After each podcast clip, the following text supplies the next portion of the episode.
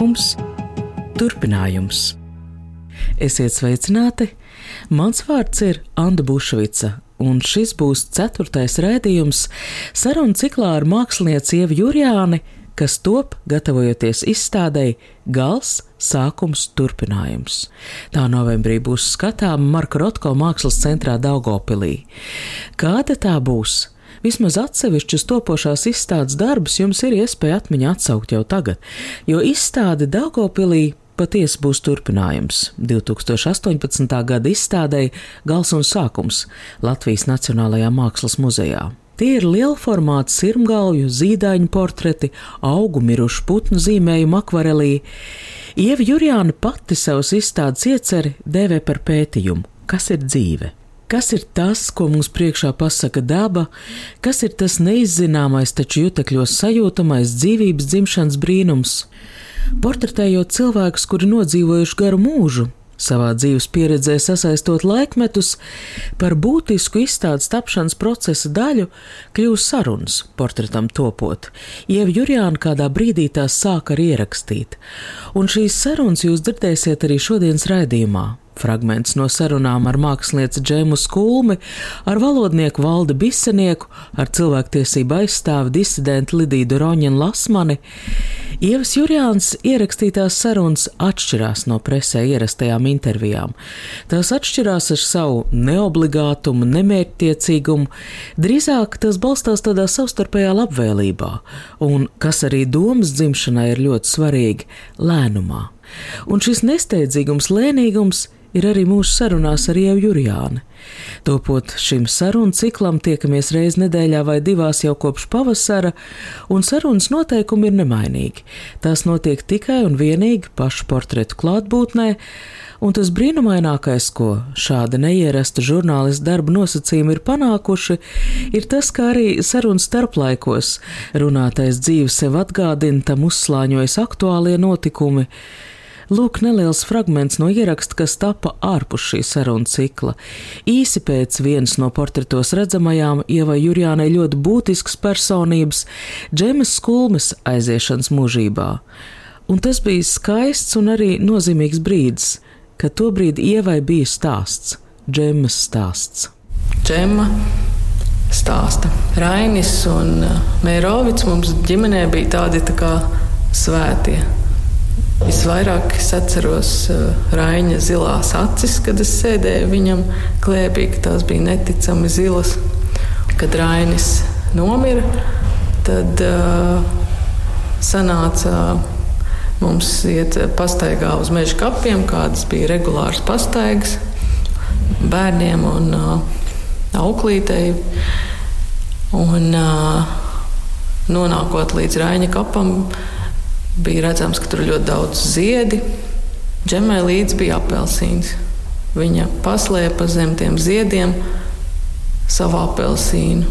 Un eh, džema man stāsta, ka arī tagad, kad viņi ierauga kādu mākslinieku pasaulē, kas ir uzgleznojis vai radījis kaut kādu tādu darbu, kuru viņa gribētu pati būtu radījusi, ka tas ir tik lielisks, ka tieši tajā pašā brīdī viņai rodās vēlēšanās tam māksliniekam, tam cilvēkam iedot apelsīnu. Tā, šitā vajag izvilkt ārā no sāņiem. Lidija Lasmanda Roņina. Kā jūs satikāties? Kāpēc viņa? Jā, nu Lidija bija kaut kas tāds, ka es gribēju nokļūt viņai tuvumā arī pēc Melānijas kronikas tieši tas um, sievišķīgais, sievietes spēks um, un uh, cilvēka spēks, ko es dziļi personīgi gribu iemācīties, ka nekādi apstākļi tevi nedrīkst uh, šķirt no augstākajām vērtībām. Un, uh, man ir laikam skaidrs, ka grāmatas man var būt tikai iemesls par kaut kādām idejām vai pieredzēm interesēties, bet manuprāt, tas ir ārkārtīgs stulbums ignorēt to vistiešāko pieredzi, kas mums katram ir um, pieejama. Nu, ka mēs tos cilvēkus varam satikt un saskarties. Un tā kā normāli tā kā elektrības triecienu mēs varam saņemt to visu pārējo informāciju, ar ko katrs normāls cilvēks ir, teiksim, pat viņš pat labprāt dalās, ja ir kāds, kuram tas ir vajadzīgs. Tā ir tāda dabīga īpašība.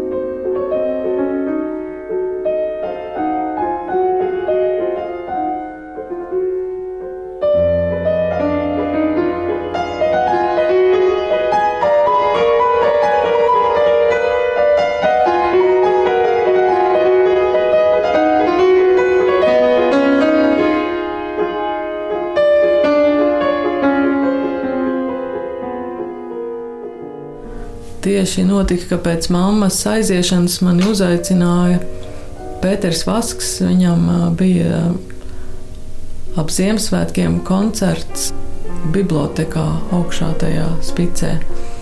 Pētera Vaska fondam. Un tur bija arī Lidija. Un tad, kad pasākums beidzās, tad bija tāda vīna glāze. Un es piegāju pie Lidijas un pati ar sevi iepazīstināju Tajā reizē es neko par zīmēšanu vēl neteicu, bet tas brīnišķīgais bija tāds, ka Lidijai bija jādodas prom, un viņa deva man savu pusizdzelto vīnu glāzi, lai es to pabeidzu, un tas man likās tāds brīnišķīgs grāls. Tur pašā augšā bibliotekas tajā korē tā bija tāda simboliska sajūta.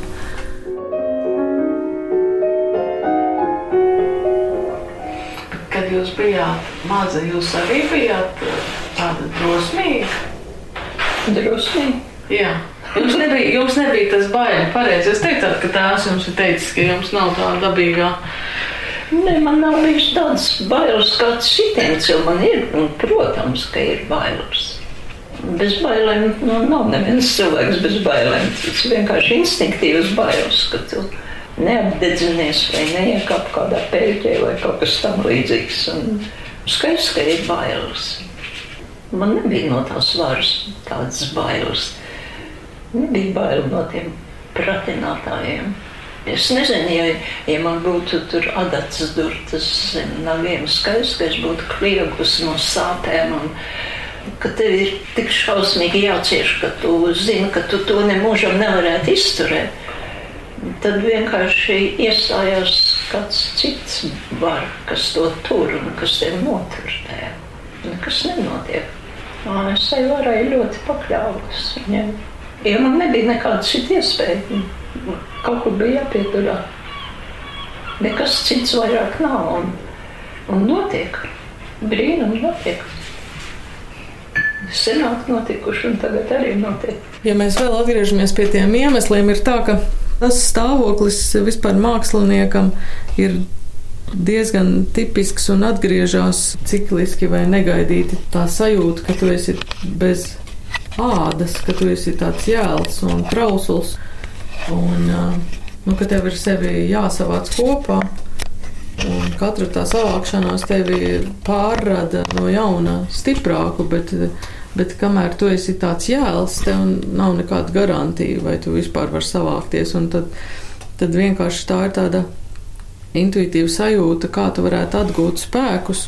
Un tad šis darbs man bija tāds tā kā prāta un intuīcijas uzkonstruēts uh, veids, kā atgūties. Jo es teikšu, ka Melānijas kronika man ārkārtīgi noveda līdz totālam spēku izsīkumam, jo man vajadzēja iziet tam visam ļoti burtiski cauri. Es iegāju visos tajos stāstos un, un likteņos, eh, jo savādāk to nevar uztaisīt. Bet pēc tam jau man ir jāatgriežas eh, šajā dzīvē, kur man ir vēl citi pienākumi. Tas nav mans pēdējais darbs. Un, eh, Bet tas jau nenotiek tā ar apziņu. Tu nevari nekādas durvis aiztaisīt, tev tas viss nāk līdzi. Un tad uh, iespējams, ka Lidija bija intuitīva man tāda atbilde, saprast, kā tu vari turpināt uh, pēc tām šausmām dzīvot. Jo, lai gan es esmu tā no ārpuses, tas mans attēls ir tāds, ka es esmu daudzus gadus jaunāka un no citas paudzes. Bet, uh, nu, ja tu dziļi kādā tēmā ieeja un godīgi pret to strādā, tad tā iekšējā pasaule ir jau daudzus simtus gadus veca un nes līdzi daudz informācijas. Un tad man bija ļoti kaut kā svarīgi pajautāt cilvēkam, kas var man arī atbildēt. Un, tās jau nav tādas lietas, ko tu vari uzdot ne pirmajā, ne otrajā, ne trešajā reizē. Un tas nav tā, ka man tas interesētu kaut kādas ziņkārības pēc. Tā nav ziņkārība, tā ir kaut kāda tāda, tāda dziļa, kaut kāda ilgošanās noskaidrot, kas eh, cilvēku padara par cilvēku. Un man, eh, man interesē tiešām visaugstākā latiņa, un es domāju, Lidijas piemērs ir tas, ka tu piedzīvojot kaut ko tādu, ar ko joprojām, es domāju, nav iespējams dalīties, jo tu nevari nodot savu pieredzi otram, bet uh, varu nodot to, to ziņu, un to tiešām nevar nodot vārdos. To vajag piedzīvot tā kā ķermeniski esotam cilvēkam blakus.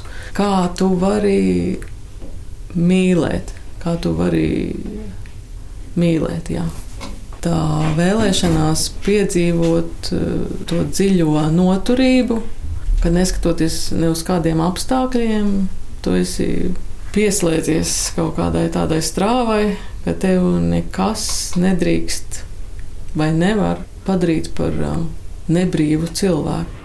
Es visu laiku esmu vēl tagad kopā ar viņiem. Es, es jūtos vainīgi, ka es te esmu dzīva un viņa nav. Un Un šī sajūta, laikam, tā ir tā mīlestības sajūta, varētu tā teikt, vai ne? Tā mīlestība uz savu tautu, uz, uz zemi un tā, kas manī bija, kas man ir jādara, kas, kas ir mans tāds pienākums, ko es nevaru pārkāpt. Ka tas tāds bailes man nav. Nu, tagad ar jums pļāpājot, sāk arī domāt, gal galā beidzot tā Lidijas brīvība un tās viņas taisnums. Tieši tas, kas ir tajā pozā. Es teiktu, man vienmēr ir jāatgriežas arī pie vārdu nozīmēm. Nu, tagad nelieto tādus vārdus kā taisns cilvēks, piemēram, bet man ļoti interesē. Jo man vecais tēvs tāds bija, ko es domāju, es sauktu par taisnu cilvēku. Un tiešām tas parādās arī ķermeņa nostājā. Lai kas būtu piedzīvots, ir cilvēki, kas pēc tam nostājās taisni. Un tas bija viens no teiksim, ārkārtīgi izšķiroši svarīgākajiem brīžiem ar katru no tiem cilvēkiem. Tā pirmā poza, kuru mēs atrodam, kā es viņus iemūžinu. Jo tā nevar būt nejauša poza. Tomēr cilvēks apsēžās, viņš saka, nu tad tā kā es sēdēšu.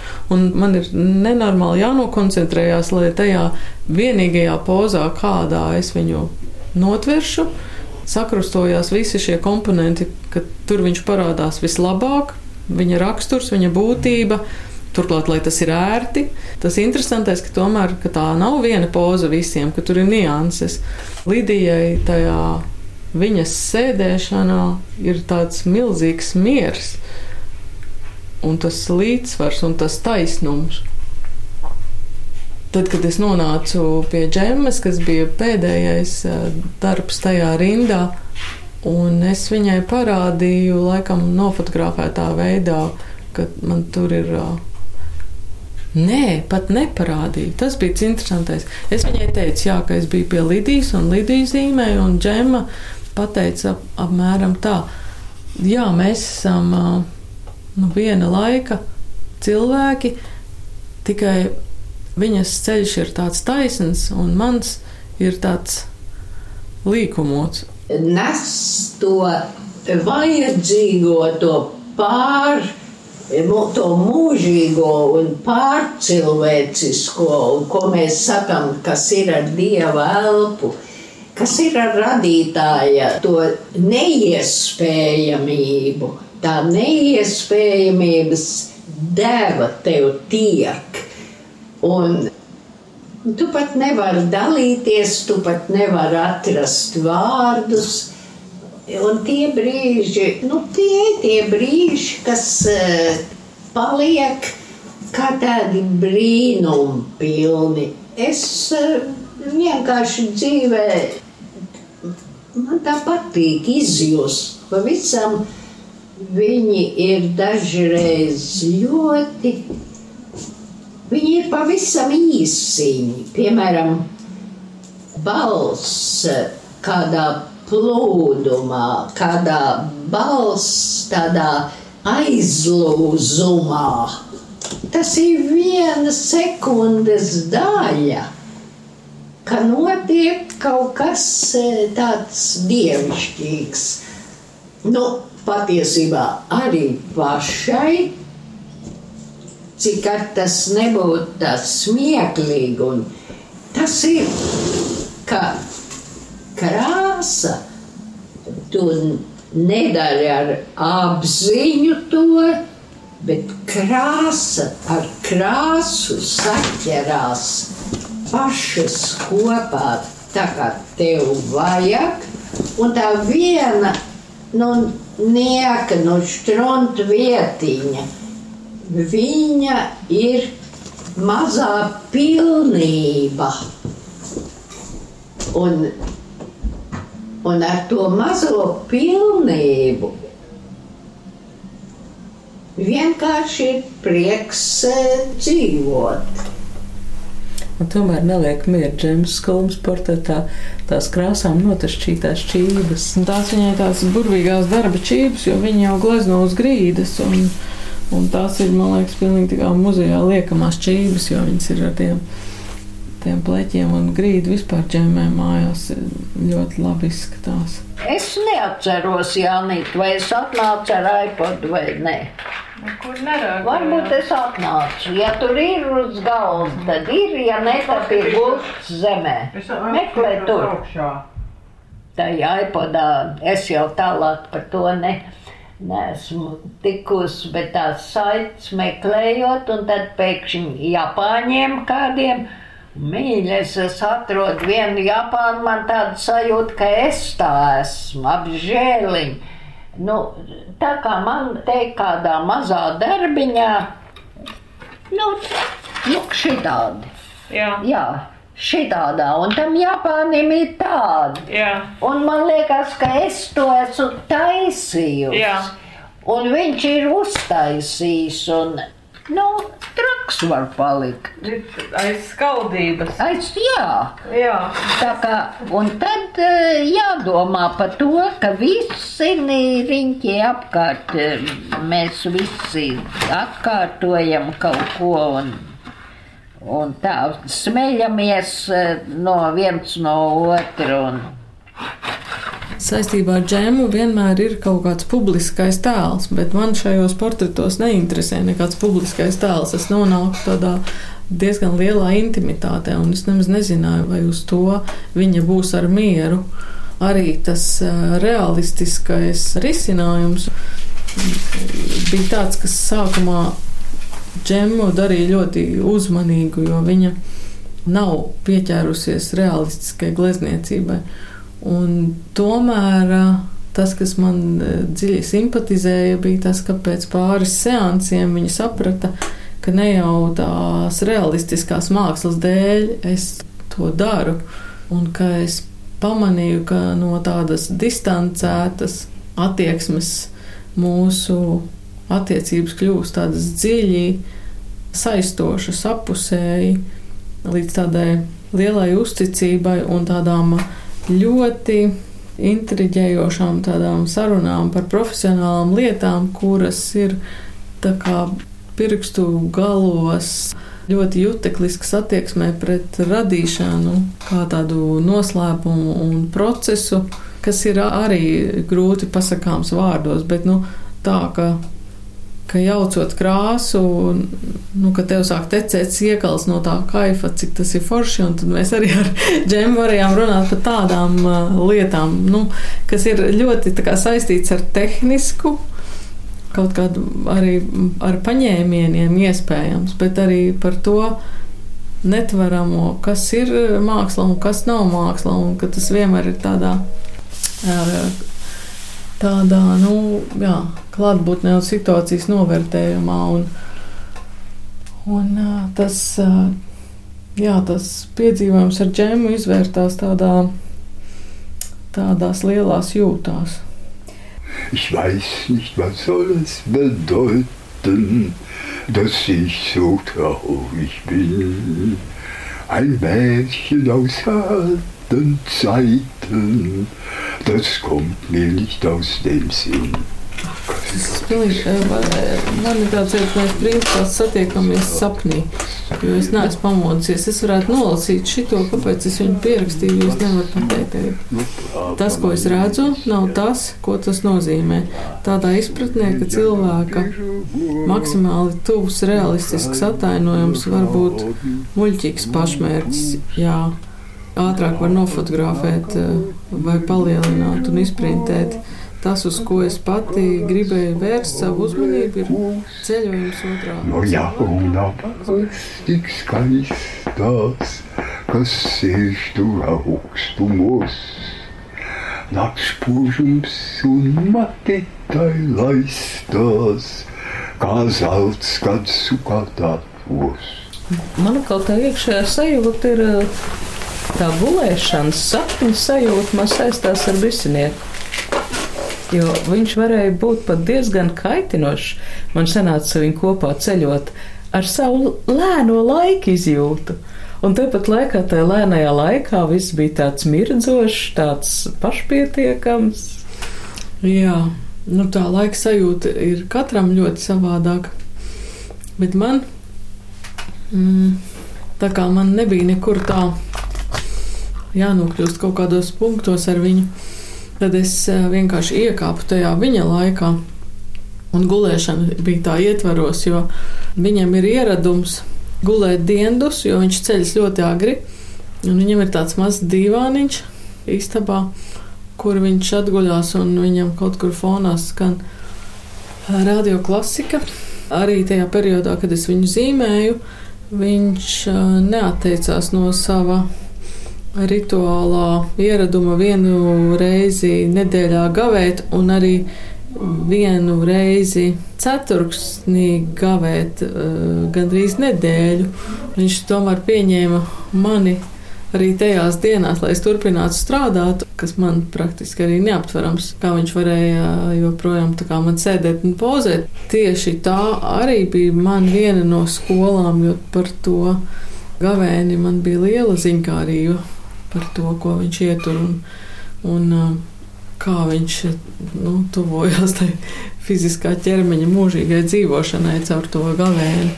Rīt pirmās brokastis man ir vienmēr kaut kā no seniem laikiem. Bija kādreiz aptiekā, kas pārdodam tādu kviešās no pārsos. Tas tāds krievu ražojums, bet viņš nāca iekšā un viņi vienmēr varēja dabūt. Un, un kaut kur kādreiz dausmiņi, protams, viņa viss izlošļā, kas man dara un kas man varētu noderēt.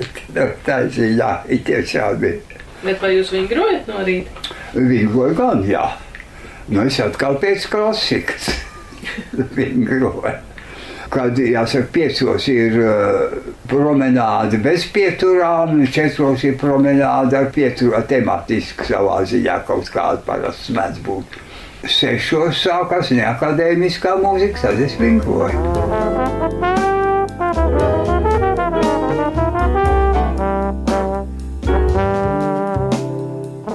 Jo pirms es arī bisenieku zināju kā tulku un dzēnieku, kamēr es eh, dzīvoju pilsētas centrā kaut kādos agrīnos jaunības gados, tad es biju ievērojis šo interesanto sirmgalvi, kas līdz pusē pliks skraida pa parkiem un, un uh, pats par sevi ir tāds attraktīvs. kas viņā bija tik attraktīvs? Kungs, lai arī gados, kurš skrien pa parku, it kā nekas tāds ļoti īpašs nav. Nu, viņš neizskatījās pēc kaut kāda uh, cilvēka, kuru dzen sports vai muskuļi.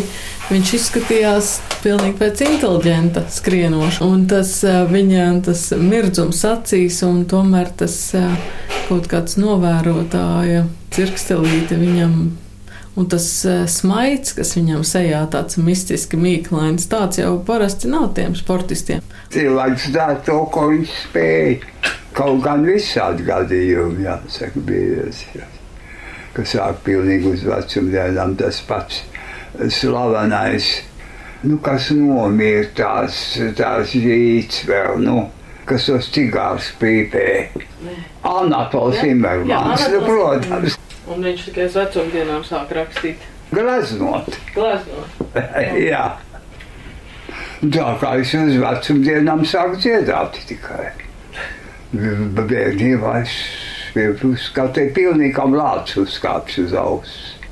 Kaut kā tas mans pašs, šitas te, ko es tomēr uzskatu par nozīmīgu atklājumu, ka dziesma nav nekas cits, kā tā pati dzēja. Dzēja pareizās intonācijās viņa ieliec, un tu citādi viņa nevar izdziedāt tas uzreiz kaut kā tādu asumu šito te uzdod, to ūdens ritējumu un sumnāts, gais kūsiņš nāc, valdauk viras skviju krāts. Visinieks zīmēšana bija vēl kaut kāds uh, dubultīgs vai trubultīgs darbs, jo Visu laiku viņš turpināja ar vārdu strādāt, un burtiski visu laiku viņš man skaitīja dzēju. Un tas bija tā, ka tad, kad tieši pie tevis vēršās ar vārdu, tu jau nevari būt neitrāls, jo viņš ievurbjās acīs un viņš žestikulē un, un velta un raida to tekstu tā kā tādā senajā kaut kādā eposā un, un um, mītā eh, teicējs, viņš eh, vēstīja par, par kaut ko, un tu esi tādā piepaceltā stāvoklī, no tā reizē tas ir tā, tā kā groteski, jo tas viss notiek tādā mazā istabiņā augšceltnē starp grāmatām iespiestiem. Kas Dabopilī izstādē notiks ar šiem uzrakstiem, atšifrējumiem? Te ir norādīts dzimšanas gads gan Valdim Visniekam, gan Džemai Skulmai. Varētu jau klāt pierakstīt arī otru datumu. Nē, nekādā ziņā, jo mani darbi nav nekādi kapakmeņi. Un man tiešām ir reāli svarīgi, ka šie cilvēki ir dzīvojuši, un nevis tas, ka viņi ir aizgājuši fiziskā veidā. Jo par visiem tiem cilvēkiem, kas ir mums uh, dzīvē svarīgi, mēs atsaucamies tikai kontekstā ar viņa dzīvo pieredzi. Tā dziesma nav atvairāma, tai pakļaujas katras sirds. Uz augšu tik laimīgs viras, no kurienes dziesma nāk. Viņš neredz, kā laiviņas veras un viļņos šūpoties sāk. Viņš nejauš nekādu vēl briesmu, aizklāpties viņš neiespēs, kad ložē lejā ar dziesmu. To dzelmē no grandēs. Nu, vai skan slikti latviešu? Labi skan. nu, redz, tur vajag prasa atceļot tādēļ, jā. Mākslinieces sievas Jurijānas izstāde gals sākums turpinājums no 6. novembra Daugopils Marka Rotko mākslas centrā. Šo rēdījumu veidoja Anda Bušvicas, skaņu operators Valdes Raitums, un es gribētu šo sarunu ciklu paturpināt vēl vienā raidījumā. Ar viesošanos sievas Jurijānas darbnīcā ar stāstu par nesen tapušajiem vēl neizstādītajiem portretiem. Ieva Jurijāna saka, ka viens portrets viņai vēl līdz novembrim jāuzglezno pašportrets. Un arī es šī cikla noslēgumā vēlos izdarīt kādus secinājumus. Uz tikšanos pēc nedēļas cikla noslēdzošajā raidījumā.